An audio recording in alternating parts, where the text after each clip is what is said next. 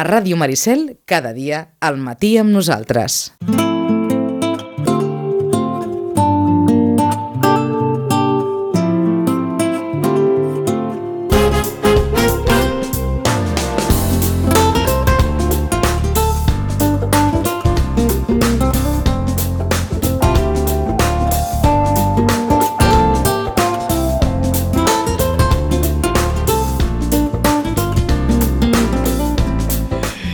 Vinga, molta activitat a la, a la biblioteca, eh, assenyalant, com us dèiem eh, aquest matí, doncs que, que una de les eh, persones, vaja, una de les veteranes que portava un dels clubs de lectura, eh, saben tots vostès que mor la Marissa Marçal, que, que portava un dels clubs de lectura, diguem-ne, més específics de la biblioteca, que era el de la literatura francesa, a la qual la, la Marissa n'era una especial eh, devota en, en tots els àmbits. Eh, ha mort Marissa Marçal, encara no se sap l'hora de l'enterrament, però com els dèiem, una vinculació molt, molt, molt estreta amb la biblioteca, sobretot en aquests darrers anys. Marta, bon dia i bona hora. Bon dia. Doncs precisament volia començar avui per aquí. Per Abocant la Marissa Marçal, sí, eh? Sí, enviar una, una abraçada molt forta a la seva família i als amics més propers i destacant això, la seva col·laboració sempre de manera desinteressada i voluntàriament i amb tot el, amb tot l'interès que posava ella amb, amb les biblioteques de Sitges, amb la Santiago Rossinyol, doncs li, la unia un lligam molt estret des de feia molts anys. I com tu deies, des de, bueno, havia sigut doncs, la, la moderadora d'aquest club de lectura des de l'any 2009 i en continuar-se fent els clubs doncs ella el uh -huh. continuava portant, era el Club de Literatura Francesa que el feia cada dos mesos. I, i realment veient les lectures que ella proposava doncs també és un reflex de la, de la seva cultura tan àmplia perquè no eren llibres fàcils de, de, de, de llegir o de sinó que eren els grans clàssics de la literatura mm -hmm. francesa. Sí, sí, no és, no és un d'aquells clubs de lectura eh, mm. que pugui trobar una, una moderadora... No, no serà senzill en cap...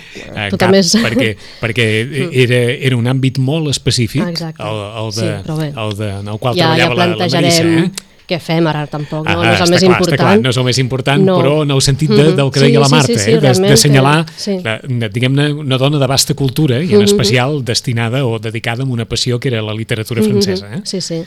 Exacte, i després a la biblioteca això, no, que tenim els llibres que va escriure ella amb els que va col·laborar, doncs un, sobretot el de Dones de Sitges, que va fer juntament amb el Marta Torrijos, Eliasabel Vivó, eh, que és això, no? una investigació sobre la memòria femenina de, de Sitges, diferents dones sitgetanes, que està a la biblioteca, i l'hem volgut destacar també precisament ahir amb un d'aquestes fotografies que posem a l'Instagram, que es diuen Roba un poema, que juga amb els lloms, amb els títols Sí. que hi ha als lloms dels llibres, doncs el d'ahir va estar dedicat a aquest llibre, Dones de Sitges i a la Marissa Marçal, que bueno, doncs com a cosa eh, bueno, com un detall, no? però des del Com un, sentiment de, com un record bonic, eh? Exacte. Doncs avui tot recordant Marissa Marçal per, per encetar el nostre programa de la biblioteca. Per on seguim, Marta? Mhm. Seguim per l'agenda habitual, eh? Exacte, sí. Doncs tenim Hora del Conte, demà, dia 27 de gener, com sempre, a dos quarts de sis.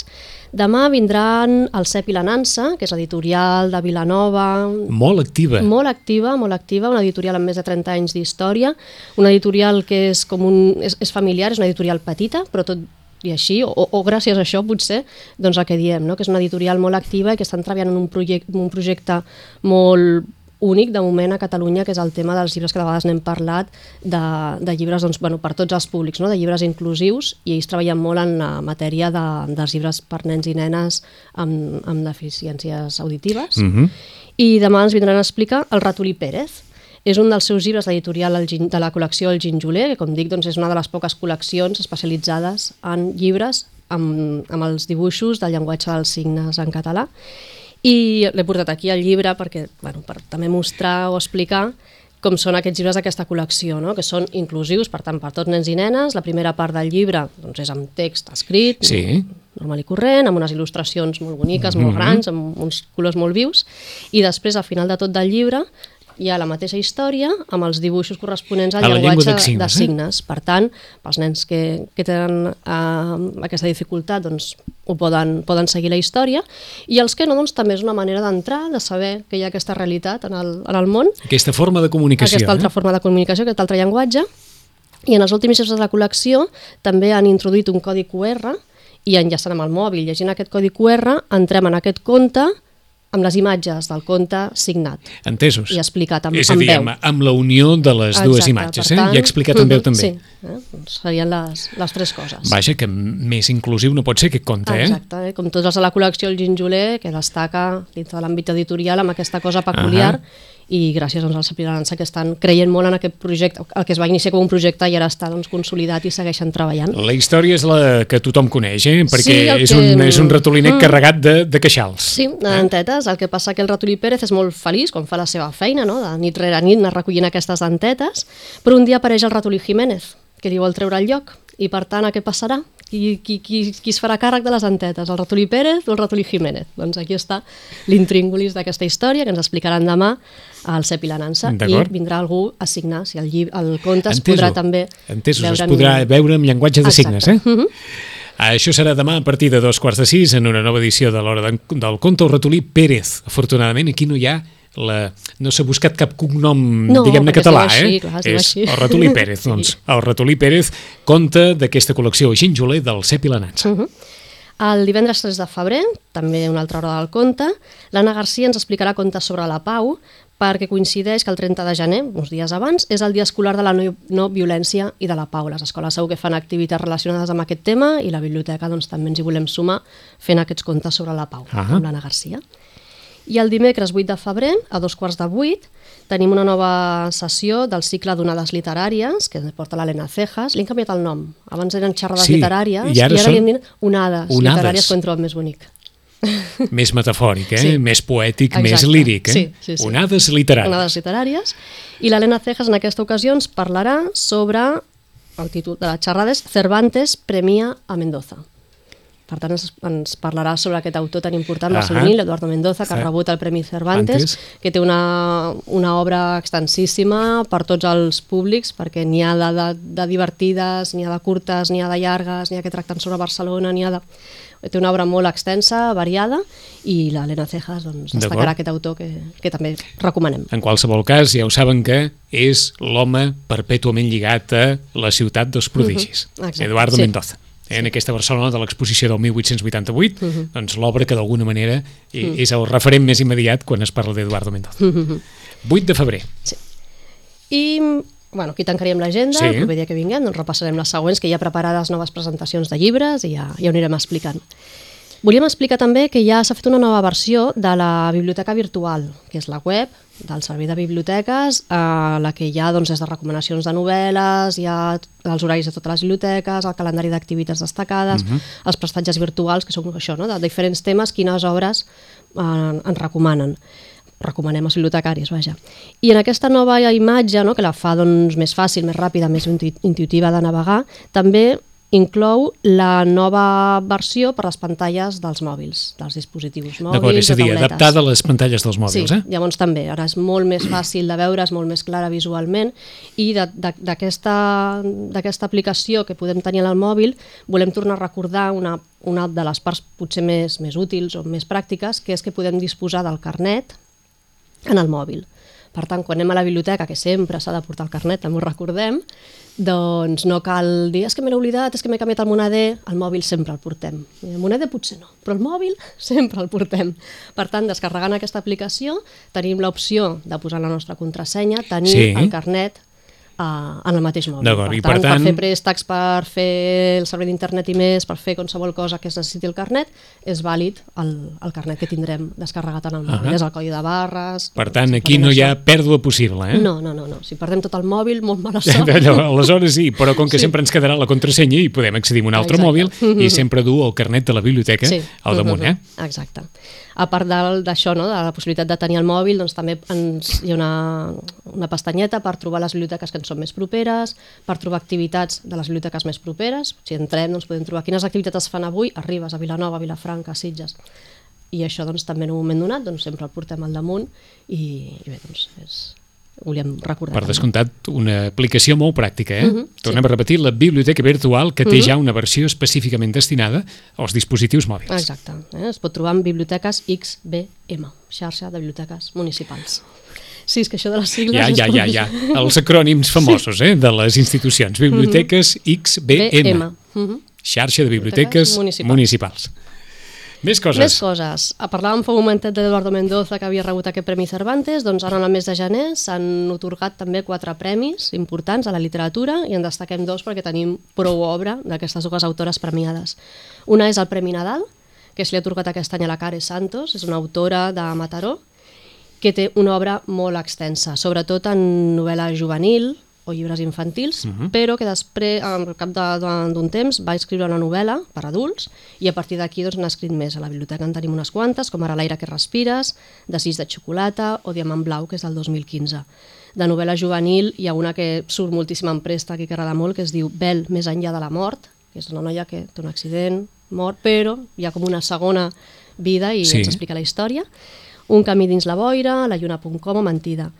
I com a llibres infantils també volem destacar de la Care Santos una col·lecció que la protagonista es diu Anna Ànec, és per nens i nenes de 7 a 10 anys, més o menys, per aquests que ja tenen una miqueta més de, de, de soltura en llegir. I és tota una col·lecció, doncs, aquesta protagonista amb les seves amigues, la, la vida a l'escola, amb la seva família, molt divertida, amb unes il·lustracions també doncs, per fer el text més, més entenedor i més lleuger. I dos llibres més infantils que jo els trobo molt divertits, que també les visites les recomanem o qui ve. Un que es diu En Benca al Cigró i un altre que es diu Seven de Mamà i crec que algun ja n'havia parlat aquí. Jo diria que el. Seven de Mamà Sí, l'havies comentat, eh? Doncs són de la Perquè era un d'aquells títols que, que es recorden. Sí. I el Premi Nadal l'ha rebut per una novel·la que es diu Media Vida, que de seguida la tindrem a la biblioteca també. I l'altra autora que ha rebut un premi és la Isabel Clara Simó, una de les grans Sí. autores de la literatura catalana, i ha rebut el 49è Premi d'Honor de les Lletres Catalanes per tota la seva trajectòria i per, doncs, pel seu pes en la literatura catalana. A la biblioteca tenim 16 novel·les, 4 novel·les juvenils, per tant, qui no hagi llegit encara res de la Isabel Clara Simó, la I té animem. molt per escollir, I eh? hi ha molt per escollir i segueix escrivint, per tant és una autora que per Sant Jordi sempre va traient novel·les noves i que la recomanem molt perquè té molta qualitat, realment un premi ben Doncs, merescut. Care Santos i Isabel Clara Simó, presents també amb, amb, amb Sí. molta obra a la Mhm. biblioteca. Exacte. Una recomanació Vinga. que ve lligada a una activitat que vam presentar fa 15 dies, que és el Puja al tren. Eh, Recordem que és una activitat adreçada a nois i noies de 9 a 13 anys, que a través de quatre possibles Recorreguts, itineraris exacte. o, sí, en, en tren, poden fer les parades que desitgin i canviar de línia quan desitgin. Hi ha quatre línies, la d'humor, la novel·la realista, la d'aventures i la de terror. Cada línia té un color. Exacte, eh? i per tant poden anar fent les parades. Quan s'apunten a la biblioteca reben un carnet on després, quan han llegit el llibre i el van a tornar, els hi marcarem que han fet aquella parada i quan aconsegueixen fer quatre entraran en un sorteig per un premi. Animem doncs, a tothom a participar i dels llibres que estan triats en aquestes parades he agafat un per recomanar. Vinga. És d'un autor molt vinculat a Sitges, de fet, és, podria dir que és quasi sitgetà, en Francesc Puig Pelat, encara que va néixer Balaguer. I el títol, hi ha títols d'aquests que dius, està ben triat aquest títol, i aquest trobo que està molt ben triat. El nen que va xatejar amb Jack Sparrow. Perquè aquí entra això, no?, el tema de xatejar, que ja Sí. indica Està una clar. modernó, i el Jack Sparrow, que és un personatge prou conegut, el protagonista de les pel·lícules Pirates del Caribe, i és un personatge que els nens li tenen, jo crec, com una especial devoció, perquè per Carnaval veiem mil el dir. Sparrows, I en fi. mils, mils de Sí. vegades escoltem la banda sonora de Exacte. Pirates del Sí, Caribe, sí, sí. o sigui que... Per tant, és un títol amb ganxo, igual que el Ahà. Garfi d'aquest capità, i, i la volíem recomanar. És una història que el protagonista té 12 anys, el Martí, i el Martí sempre ha estat molt seguidor i admirador de l'actor, del Johnny Depp, l'actor que encarna el Jack Sparrow. I el segueix per les xarxes socials, està molt assabentat de la seva vida, de les seves pel·lícules, de tot. I un dia en un concurs, doncs, bueno, hi participa i es tracta de dir una frase destacada de les pel·lícules de Pirates del Caribe. I hi participa i guanya el premi. I el premi és poder xatejar Amb Jack Sparrow. amb Jack Sparrow. Clar, i sap que és un personatge de ficció i que per tant no podrà xatejar amb aquest personatge. Però tot i així, com que guanya el premi, doncs ell s'hi fica i sí, sí, a l'altra banda del, de l'ordinador hi ha algú que li contesta.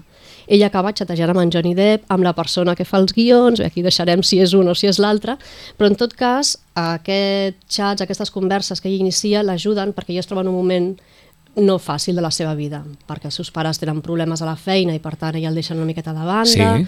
perquè està patint bullying per part d'uns companys de l'escola i ell doncs està amb l'autoestima pel terra i res és fàcil i cada cop és més infeliç. I el fet de poder xatejar amb aquest personatge i que li encomani no, la, seva, la seva empenta aventurera i la seva mm, passió per la vida... Això i que, per... diuen, eh, això que diuen ara, s'empodera. Exacte. Se viene arriba, que també diu. viene arriba. Exacte. És viene arriba, És eh? més maco això d'empodera, per això. doncs això. Li Però vaja, que som. aconsegueix recuperar l'autoestima. exacte. Sí, sí, sí. No? I a través, doncs, com si ell fos un pirata, doncs, tirar endavant amb tots els problemes que té. I també hi ha un, una clocadeta d'ull a un altre personatge literari molt important, que és el Cirano de Bergerac, Ah. perquè també ell fa ús de les seves habilitats literàries per solucionar molts problemes. Per tant, aquí també introdueix als nens aquest personatge també fantàstic, el Cirano de Bergerac, i tot plegat fa un còctel molt, molt maco de, de llegir, molt proper a nens i nenes, que es poden sentir identificats i que de seguida els pot enganxar a la lectura. El nen que va xatejar amb Jack Sparrow Mhm. i els llibres de la col·lecció Puja el tren, de la col·lecció, de la iniciativa Puja el tren, venen, ja ho veig, convenientment etiquetats, Sí, eh? sí, els tenim exposats, un, a part de les, Sí, sí, sí, sí. de les prestatgeries, estan en un expositor a la biblioteca destacats i amb aquesta enganxina que els fa doncs, identificatius d'aquesta activitat. Per tant, tothom que vulgui participar no cal ni que busqui els llibres perquè els tenim Tots ben allà. identificats sí, allà, sí, eh? Sí, exacte. Horaris de la biblioteca, com sempre, Marta. Com sempre, sí, de 9 del matí a 2 de la tarda i de 3 a 2 quarts de 9. I dissabtes de 10 a 2 quarts de 2. En 15 dies tornarem amb l'agenda de la biblioteca. Marta, gràcies. Gràcies a vosaltres.